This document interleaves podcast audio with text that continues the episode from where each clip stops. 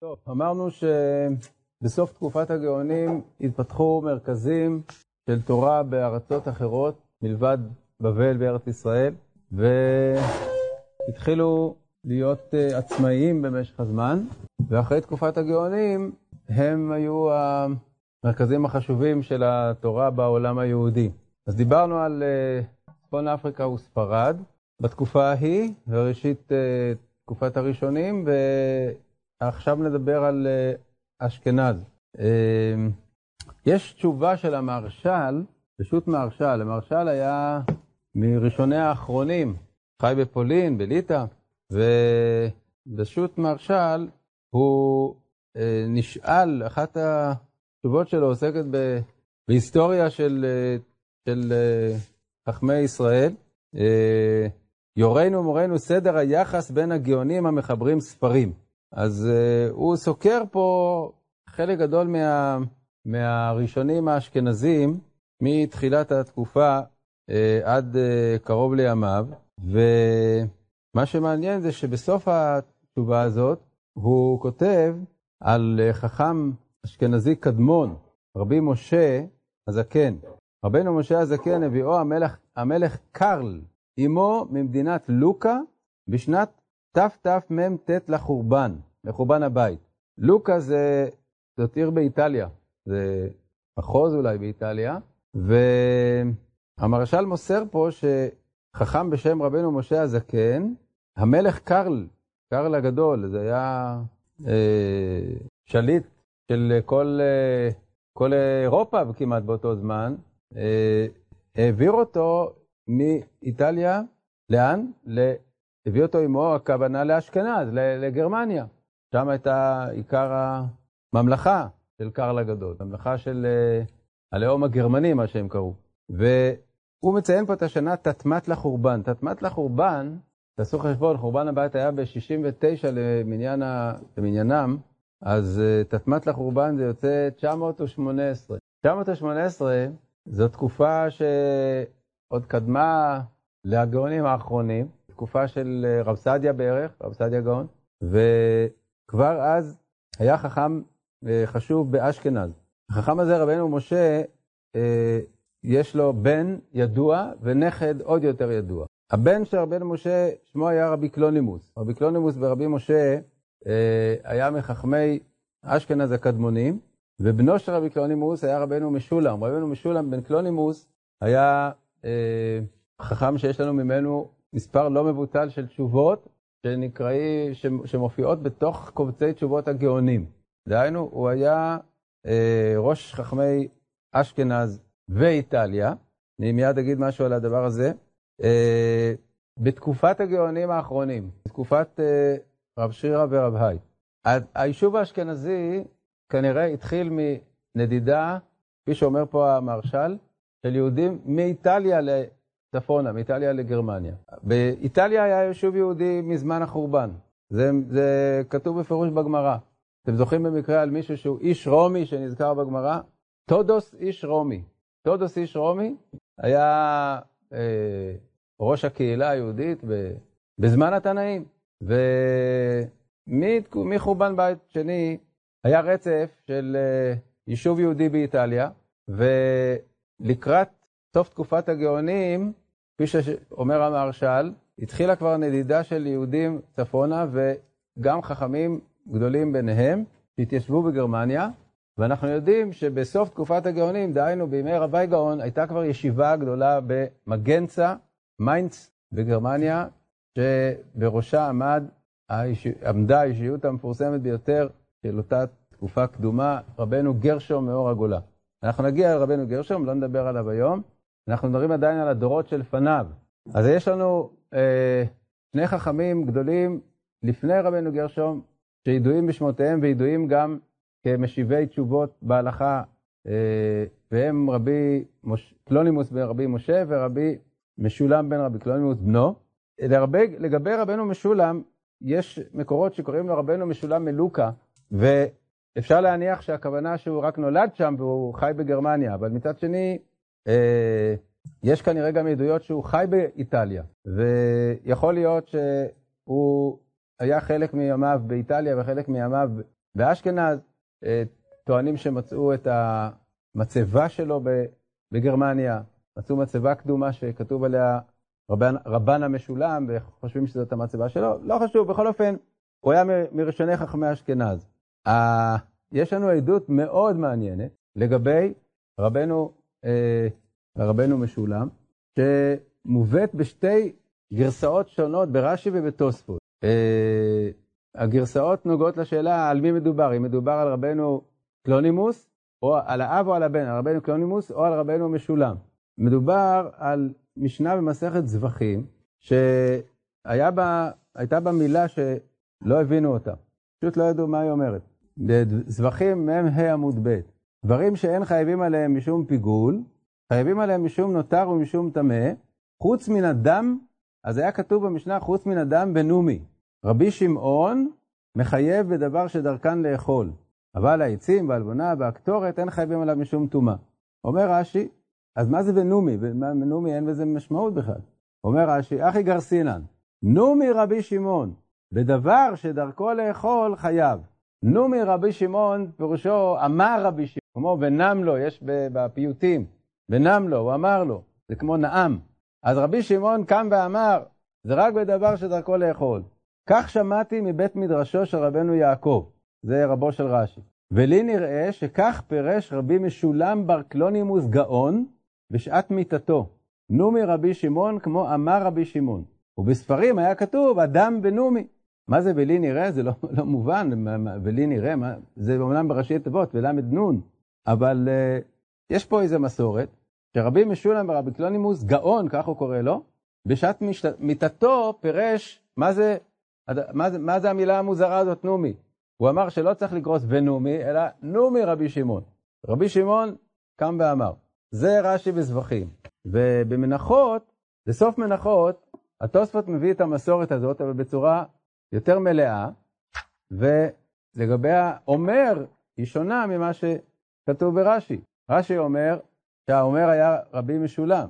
תוספות במנחות, אה, דף קט עמוד ב', אומר אה, על איזה משפט מסוים שם בגמרא, שיש שם שתי לשונות, יש שתי גרסאות בגמרא, ורבנו קלונימוס, אביו של רבי משולם, הגיע כלשון שני בשעת פטירתו, והסופר טעה בין עלה לעולה, ושלושה דברים הגיע כמפי נבואה בשעת פטירתו.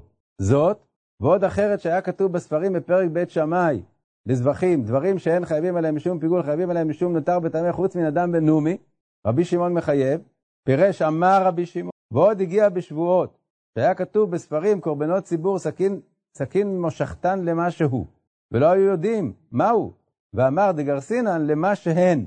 בקיצור, התוספות מספר פה סיפור מופלא שרבי קלונימוס, אביו של רבי משולם, בשעת פטירתו, אמר, כמו מפי נבואה, הוא אמר, אה, פתר שלוש בעיות שהיו בנוסח הגמרא בשלושה מקומות, והוא הגיע ואמר איך צריך להיות הנוסח הנכון. אחד מהם זה המשנה הזאת בזבחים, שרש"י אומר עליה שרבי משולם אה, ורבי קלונוס גאון הוא זה שפירש אותה, ושנייה פה במנחות ושלישית בשבועות. וההבדל במסורות הוא שהתוספות מייחס את זה לרבי קלונימוס האב, ורש"י שם מייחס את זה לרבי משולם הבן. אז עצם הדבר הזה, שזה מה שהיה לו לעשות בשעת מותו, זה כבר מראה מי זה הבן אדם. שהוא, שעת פטירתו הגה כל הזמן בסוגיות הש"ס. אבל מה שעוד יותר מוסיף עניין, זה שמצאו בגניזה בקהיר כל מיני קטעים של תשובות גאונים, והיו גם קטעים של אה, רשימה של שאלות שנשאלה מהגאון, בלי הפירוט, לא, לא, לא, לא השאלה ולא התשובה, אלא רק באיזה נושא. מהסופרים של, הסופרים של מעתיקי התשובות היו כאלה שעשו כמו מפתח כזה. אז הוא כותב, בקונטרס הזה יש 30 שאלות, כך וכך, והוא כותב את הנושא של השאלה, מפתח העניינים. מצאו דף כזה, נתפס בספר שנקרא גאוניקה, זה תשובות של גאונים וקטעי אה, חיבורים של גאונים, וכתוב שם כך, הקונטרס הרביעי, זה כתוב בערבית, אני מתרגם את זה לעברית, הקונטרס הרביעי, מפה בעברית, שאלות מרב משולם בן רבנא קלונימוס ממדינת לוקה אשר בארץ פרנג'ה, לרבנו שריר הגאון, והי אב בית דין ז"ל. 27 שאלות, רשימה של 27 שאלות. השאלה הראשונה, בזבחים, זה שאנו שונים בזבחים, הדם ונומי, מהו? מדהים. אז פה כתוב בפירוש שהשואל הוא רבי משולם, רבי משולם בן רב אנקולינימוס, ממדינת לוקה אשר בארץ פרנג'ה, הוא שואל את רב שרירא מה פירוש המשפט הזה, ואנחנו לא יודעים אם שרירא ענה לו ואם הוא קיבל את התשובה. מה שאנחנו יודעים זה שהוא בשעת פטירתו אמר שצריך להגיע במשנה נומי, יכול להיות שהוא קיבל תשובה מרב שרירא באמת, והוא רק מסר את זה לשומעים, לאלה שהיו מסביבו בשעת פטירתו. או שהוא לא קיבל תשובה, אולי התשובה לא הגיעה, אולי הוא לא קיבל תשובה, והוא בעצמו חשב על זה, שצריך להגיע ולקרוא במשנה בצורה כזאת. בכל אופן רואים שרבי משולם, בנו של רבי קלונימוס, עדיין הסתפק, עדיין לא ידע מה פשר המשנה הזאת, והוא רק בשעת פטירתו אה, פתר את הבעיה, והמסורת של, המסורת של רש"י היא הנכונה, שזה היה רב משולם בן רבי קלונימוס, שהוא אה, אה, עסק בסוגיות האלה. בכל אופן, רבנו משולם, אה, כפי שאמרנו, הוא נקרא מלוקה, אבל הוא חי במגנצה, זה ברור, לפחות חלק מחייו הוא חי במגנצה, והייתה שם כבר ישיבה. הם הקימו ישיבה, ובישיבה אה, הזאת, אה, בסופו של דבר, עמד בראשה רבנו גרשום מאור הגולה, ואחר כך הגיע אליה גם רש"י, אה, בימיו, בסוף המאה ה-11 למניינם. בן, כן, ארבעת השבויים, כן, שמה? טוב, זה לא פלא, כי אמרנו שה... הרי מה היה בחורבן בית שני?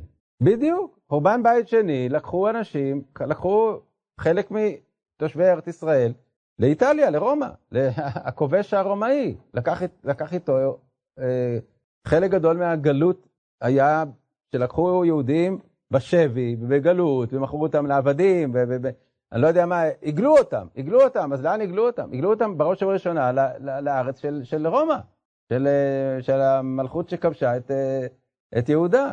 אז הגיעו לאיטליה, ובזמן uh, התנאים היו, הייתה קהילה יהודית, יהודית באיטליה. ואחר כך, כשאנחנו מגיעים עד לסוף, עד לסוף תקופת הגאונים, אז אנחנו יודעים שכבר יש יהודים, לא רק בסוף תקופת הגאונים, יש להניח שבמשך כל המאות שנים האלה, מהחורבן עד תקופת הגאונים, הרי זה מאות שנים, יהודים נדדו, נדדו מארץ ישראל, בארץ ישראל היה קשה, לא, היה פה, לא היו פה תנאי חיים. התחילו לנדוד לכל מיני קהילות, הגיעו לספרד, הגיעו לצרפת, הגיעו לצפון אפריקה. הסיפור על ארבעת השבויים הוא לא, הוא לא תמוה, יכול להיות, כפי שאמרתי, שיש בו יסוד אגדי, זה לא, זה, זה לא ברור שכל הפרטים שם הם באמת אה, היסטוריים מדויקים, כי למשל לגב, לגבי רבי שמריה בן אלחנן, אז, אה, אז אה, יש מקורות שהוא בכלל נולד במצרים, לגבי רבנו חננאל אמרנו שיש שם משהו לא מדויק. בכל אופן, הרעיון הזה שחכמים גדולים הגיעו מאיטליה לארצות אחרות הוא בהחלט, הוא בהחלט סביר מבחינה היסטורית, כי לאיטליה הגיעו, קודם כל, הגלות הראשונה מארץ ישראל בחורבן הגיעה לאיטליה. אז שם אה, היה ודאי מרכז של אנשים, אה, ביניהם תלמידי חכמים, ומשם יצאו אחר כך לארצות נוספות. אם כן, אה, רבי, רבנו משולם, הוא עומד בקשר עם רב שרירא ורב היי. אחרי רבנו משולם, יש חכם בין רבנו משולם לבין רבנו גרשום מאור הגולה, שרבנו גרשום קורא לו בשם רבי מובהק. יש תשובה של המהר"ם, תשובת מהר"ם מרוטנבורג, הוא חי הרבה, הרבה שנים אחר כך, בקובץ תשובות המהר"ם, זה בתשובות, קובץ פראג זה נקרא, יש כמה קבצים של תשובות המהר"ם, קובץ של דפוס פראג, סימן רס"ד.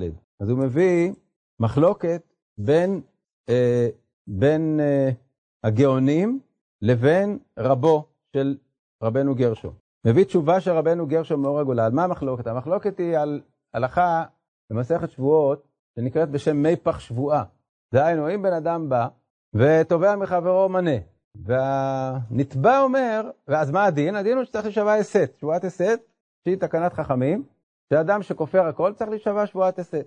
אז זה שתובעים ממנו, הנתבע אומר, אני לא רוצה להישבע. תשבע אתה שאני חייב לך, אני אשלם לך. אומרת הגמרא שבדרבנן מבחינן שבועה. כלומר, שבועה דרבנן, שאני לא חייב בעצם בשבועה מדאורייתא, אז אני יכול להגיד, אני לא רוצה להישבע. תשבע אתה, אני אשלם לך. שאלה אם גם בדאורייתא מבחינן שבועה. אז מר ברבשי אומר בדאורייתא נמי מבחינן שבועה. כלומר, אם אני מודה במקצת, שאז אני חייב שבועה דאורייתא, ואני אומר, תשבע אתה שאני חייב לך, אני אשלם, אני לא רוצה להישבע. תשבע אתה, אני אשלם לך. לא תשבע, אני לא משלם לך. אז מר ברבשי אומר בדאורייתא גם כן מבחינן שבועה. בהלכות גדולות של הגאונים כתוב, לית הלכתה כמר ברבשי, במי פח שבועה.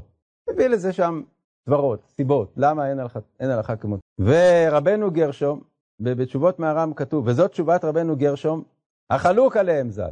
הוא אומר שגם ב, שבשבועה דאורייתא לא מבחינן שבועה.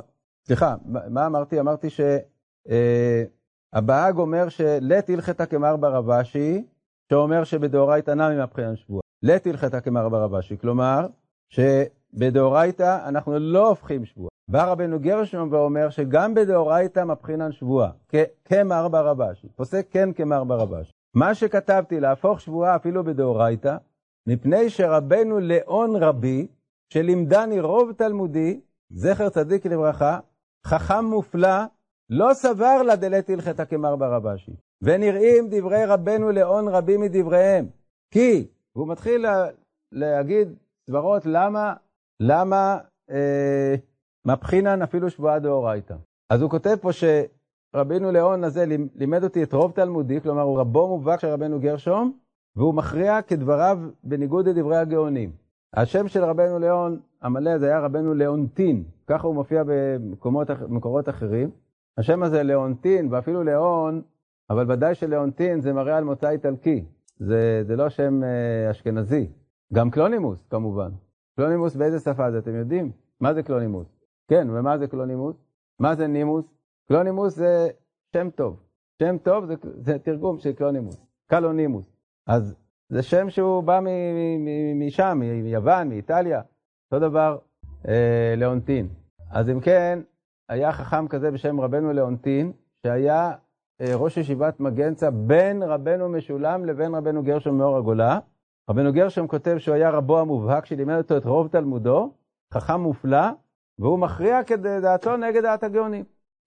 אז מה אנחנו שומעים כאן? שומעים, א', שהייתה כבר תורה שם, זה לא היה שהם היו, כמו שמתאר בעל ספר הקבלה בספרד, שלא ידעו ללמוד את הגמרא נכון, עלו וירדו, ועד שבא איזה חכם שהאיר את עיניהם. הייתה כבר תורה שם בגרמניה, ולא זה בלבד, אלא שהם גם לא, לא התכופפו בהכרח לגבי הגאונים. אז אמנם נכון שגם רבנו גרשום בעצמו, כלומר הדורות הראשונים של חכמי אשכנז, רבי קלונימוס, רבי משולם, עד רבנו גרשום מאור הגולה, שהיו להם קשרים עם הגאונים, רב שירא ורב היי, הם היו שואלים את הגאונים. הם ראו בגאונים סמכות, בלי ספק. היו שואלים את הגאונים שאלות. יש איזו מסורת שהיה אפילו קשר חיתון בין אה, אחד מחכמי אה, צרפת לבין אה, רב וייגאון, נדבר על זה בהמשך. בכל אופן, אה, ודאי שהם ראו בבבל את, ה, את המקור של התלמוד, כן? זה הרי תלמודנו הוא תלמוד בבלי. אז הם ייחסו חשיבות גדולה מאוד למסורת של גאוני בבל. אבל מצד שני כבר הייתה עצמאות, כמו שראינו שהרמב"ם כותב בתשובה להליכה בנהרות, הוא אומר, אז מה בכך שגאוני בבל אמרו ככה? הגאונים שלנו אמרו אחרת. והוא מונה שם את חכמי ספרד הקדומים, שהיו חלקם בתקופת אה, הגאונים האחרונים, חלקם אחריהם, והוא נותן להם סמכות לא פחות מאשר לגאוני בבל. אז אה, כך גם באשכנז, לאט לאט התפתח שם מרכז תורה עצמאי, ובימי רבנו גרשום, שהוא ממש מקביל לסוף ימי רב הייגאון, זה היה כבר ברור שיש שם הנהגה תורנית עצמאית, רבנו גרשום תיקן תקנות, והתקנות של רבנו גרשום מאור הגולה, הם היו, אה, התקבלו בכל אירופה בדבר ש, כדבר שאין עליו עוררים. אנחנו נראה את זה עוד בעזרת השם בפעם הבאה, כשנדבר על רבנו גרשום, איך שהסמכות שלו הייתה אה, אדירה. וזה כמובן יכול היה להיות רק בשלהי תקופת הגאונים, כאשר כבר התחילו לצמוח מרכזי תורה אה, אחרים. בספרד וצפון אפריקה, צפון אפריקה מחד, באשכנז וצרפת מאידך. את צרפת עוד לא הזכרנו, אבל נדבר עליה בפעם הבאה. גם בצרפת כבר היו אה, חכמים גדולים שהגיעו או מאיטליה, גרמניה, או מספרד, פרובנס. לצרפת, צרפת נמצאת בין, אה, בין ספרד לבין גרמניה. אז היה, היו שתי דרכים להגיע לצרפת. הייתה דרך להגיע מספרד, וגלות ירושלים אשר בספרד. בספרד ודאי שהיו קהילות כבר בתחילת תקופת הגונים, ועוד ודאי גם לפני כן, כמו שגם בצפון אפריקה. היו קהילות, אמרתי, במשך המאות שנים האלה, שמהחורבן ועד תקופת הגאונים, ודאי שיהודים כבר נדדו לכל המקומות האלה, והיו בצפון אפריקה קהילות יהודיות, בספרד קהילות יהודיות, ומספרד עלו צפונה לפרובנס ולצרפת. וגם בכיוון הזה של אשכנז, הגיעו מאיטליה לאשכנז, מאשכנז לצרפת. אז כך שכל ה, כל האליפסה הזאת שמבבל, איטליה, אשכנז, צרפת, ספרד, צפון אפריקה, מצרים, ארץ ישראל, זה הכל, זה המעגל של, של התפוצות היהודיות בסוף תקופת הגאונים. בעזרת השם, הפעם הבאה נמשיך על רבנו גרשום